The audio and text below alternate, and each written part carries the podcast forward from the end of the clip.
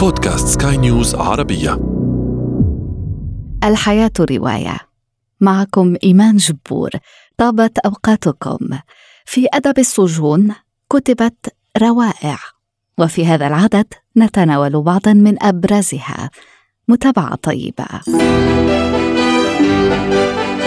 الحياة رواية.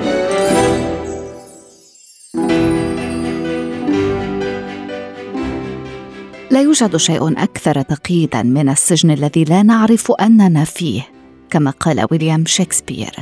لكن ماذا عن السجون الفعلية؟ نقلب صفحات من أجمل ما كتب في أدب السجون. I know many of you at this very moment are thinking about escape. Feel free to try whenever you like. معركة إنسان لا يلين في سبيل الحرية. رواية الفراشة. بابيون وهو لقب أنغي شاريير السجين الفرنسي السابق الذي خط سطور هذه الرواية وتبدأ كالتالي. كانت الضربة قاصمة إلى درجة أنني لم أصح منها إلا بعد ثلاثة عشر عاماً والحقيقة أنها لم تكن ضربة عادية فلقد تآلب على تسديدها لي كثيرون. يحيلنا الفراشة هنا على إدانته بجريمة يقول إنه لم يرتكبها. في ثلاثينات القرن الماضي يحكم عليه بالأشغال الشاقة المؤبدة في سجن غويانا الفرنسية. ينفى بابيون إلى واحد من أقسى المعتقلات. آكل الرجال كما يسمى. محاولة هروب أولى فاشلة. تنتهي بالعودة إلى السجن مرة أخرى محاولات أخرى عديدة لن تكلل بالنجاح كسابقاتها لن يعانق بابيون الحرية إلا بعد ثلاثة عشر عاماً There's something inside that they can't get to, that they, they can't touch. It's yours. What are you talking about? Hope. Hope.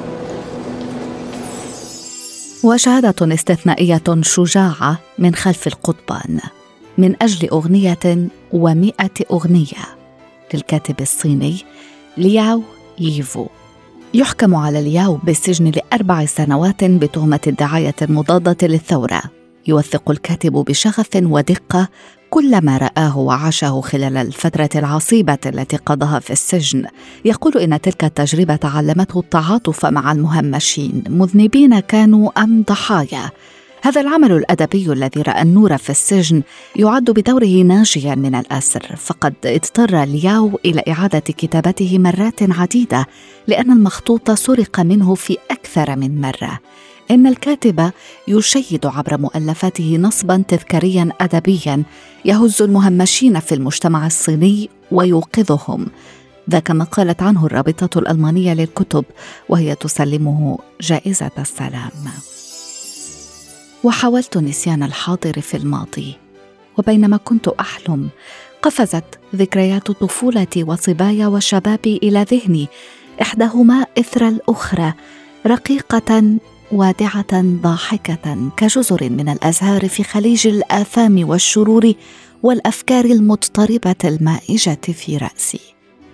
أقرأ لكم من رواية آخر يوم لمحكوم بالموت للأديب الفرنسي فيكتور يوغو يوميات سجين مدان بالإعدام يكتبها خلال الساعات الأربع وعشرين التي تسبق تنفيذ الحكم يروي فيها كل الأحداث التي مر بها طيلة ستة أسابيع منذ بدء محاكمته إلى موعد تنفيذ حكم الإعدام.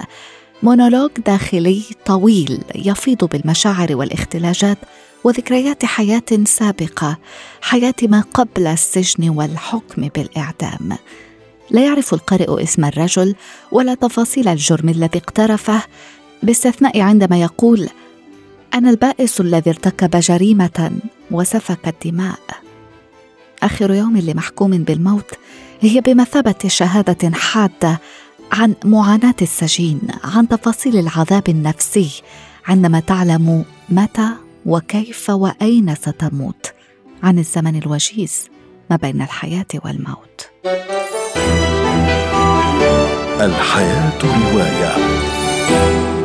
وفي الختام أشكركم على طيب إصغائكم. دمتم بخير.